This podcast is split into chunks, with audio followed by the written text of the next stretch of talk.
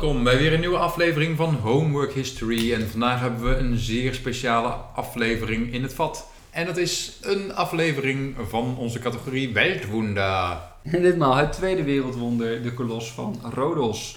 Eh, ook wel het kortbestaand hebbende van de zeven wereldwonderen. Voordat Eh, we het eh, hele beeld gaan toelichten. Ja, Niet dat daar heel veel over te zeggen valt. Let vooral goed op uit het eerste gedeelte. Ik denk dat het interessanter is om even een tijdsbeeld te krijgen inderdaad. Ja, ja, en daarna kun je het ook uitzetten. Ja, en... nou, wat ook nog interessant is, is uiteindelijk de, de invloed van het beeld op de, op de kunst bijvoorbeeld. Eh, maar we beginnen even dus met het tijdsbeeld, dan even over het beeld zelf en dan nog de betekenis voor nu. De achtergrond, of het tijdsbeeld, is weer de derde eeuw voor Christus. Voor de oplettende luisteraar, dat is ongeveer dezelfde tijd als de vuurtoren van Alexandrium. eh, van de, de, de vorige aflevering van de Weltwunder. Dus het is weer de tijd van de diadochen. Eh, dus dat zijn de opvolgers van Alexander de Grote. Dus En zoals, ja, zoals je toen al had verteld, die waren regelmatig in oorlog met elkaar. Ja. Dat is in dit geval niet anders. Ja, dus het was het grote Macedonische Rijk van eh, Alexander de Grote.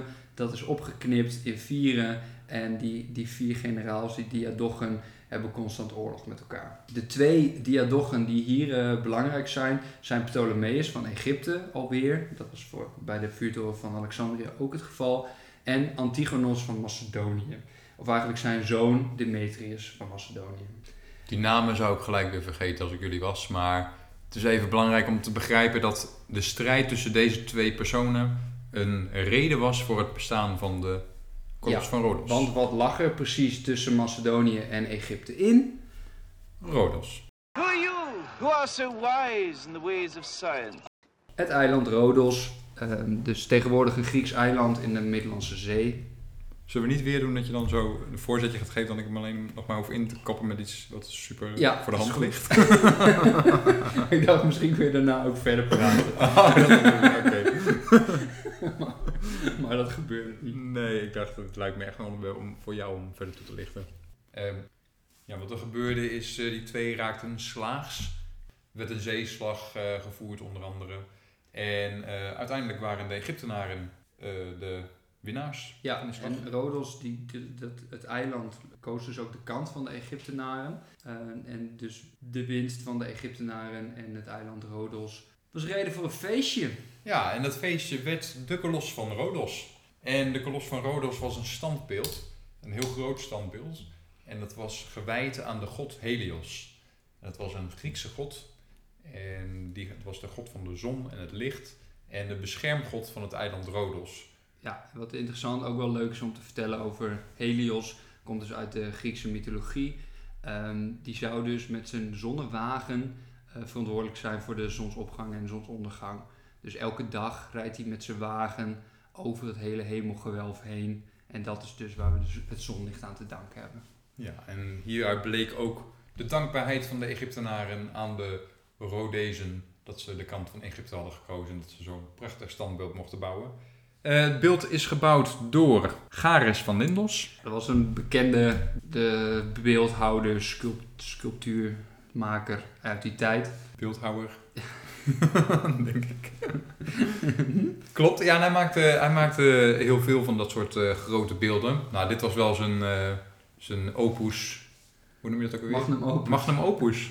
Laten we het even hebben over hoe die eruit zag. Dus het was een eh, heel groot bronzen beeld, eh, naar verluid meer dan 30 meter hoog. Eh, en dat was dus op een marmeren sokkel geplaatst. Ja, en het woog ongeveer 20 ton. En naar de plek waar die stond is nog altijd de vraag. Want volgens sommige bronnen stond het beeld in de haven. En volgens andere bronnen stond het beeld meer in de stad. eh, of bijvoorbeeld eh, bovenop de, op de berg waar ook de tempel van Helios stond. Maar dat is niet meer helemaal bekend. We hebben geen brokstukken meer van het beeld. Dus we hebben alleen nog de geschriften die spreken over het beeld. Eh, en daarin staat ook niet precies beschreven waar die nou staat of de bronnen spreken elkaar tegen. Nee, dat is dus inderdaad wel grappig aan de wereldwonderen, dat het allemaal uit de oudheid komt. En dat het eigenlijk vrij dubieus is, zeker in dit geval, wat, wat het nou eigenlijk precies voor beeld was, hoe het eruit zag, waar het stond. Eh, dat het als vuurtoren bijvoorbeeld heeft gediend, is zeer onwaarschijnlijk. Ehm, ook zijn er veel afbeeldingen later van gemaakt, waarbij het beeld met twee benen over de, over de ingang van de haven heen geplaatst is. dit is onmogelijk. eh, want zo'n hoge, dan zou het beeld veel hoger moeten zijn. Ja, en in die tijd hadden ze ook nog niet de, eh, de architectonische kennis om zoiets te bouwen. Exact. Eh, ik denk dat het vooral komt doordat de Kolos van Rhodos als wereldwonder spreekt vooral tot de verbeelding. En daardoor is er heel veel artistieke vrijheid, waardoor kunstenaars vooral een interpretatie hebben gegeven aan hoe die kolos er dan heeft uitgezien. En dat is noodzakelijkerwijs natuurlijk niet zoals hij er in het echt heeft uitgezien. Nog een parallel met de vuurtoren.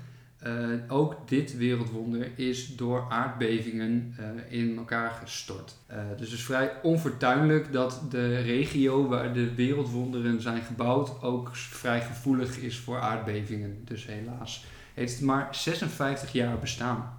Ja, in 226 voor Christus viel het beeld om en brak het in stukjes. Een gedeelte werd verkocht als schroot. Eh, De overblijfselen bleven nog liggen. En hebben daar nog ongeveer 800 jaar gelegen. Want ook van schrijvers uit latere tijden weten we dat ze op de, al in Rodos waren en dat de, dat de overblijfselen er nog lagen. Waarschijnlijk. Hallo, Hallo. Hallo? parkeertjes. Oh ja, leg maar neer. Ja, is goed. Yo. Uh, dames en heren, er heeft uh, zich daar net wat iets onsmakelijk voorgedaan, maar maakt u zich niet druk. Wampje jap jappie, nee stop aprisirija, we gaan gewoon door. Ja! Ondanks de korte levensduur van de Kolos van Rodos is het toch uitgegroeid tot een standbeeld dat spreekt tot de verbeelding van eh, kunstenaars bijvoorbeeld. En dat is heel leuk. Ja, daarom hebben we het er nu nog steeds over. Het was zo'n goed idee om die wereldwonderen te gaan behandelen allemaal. Misschien is de volgende aflevering nog wel boeiender. Kijk, maar laten we eerlijk zijn. Hij heeft maar 56 jaar bestaan, ongeveer. Dat is de schatting. Eh, we weten niet precies hoe hij eruit zag. We weten alleen dat het een inspiratiebron was voor kunstenaars.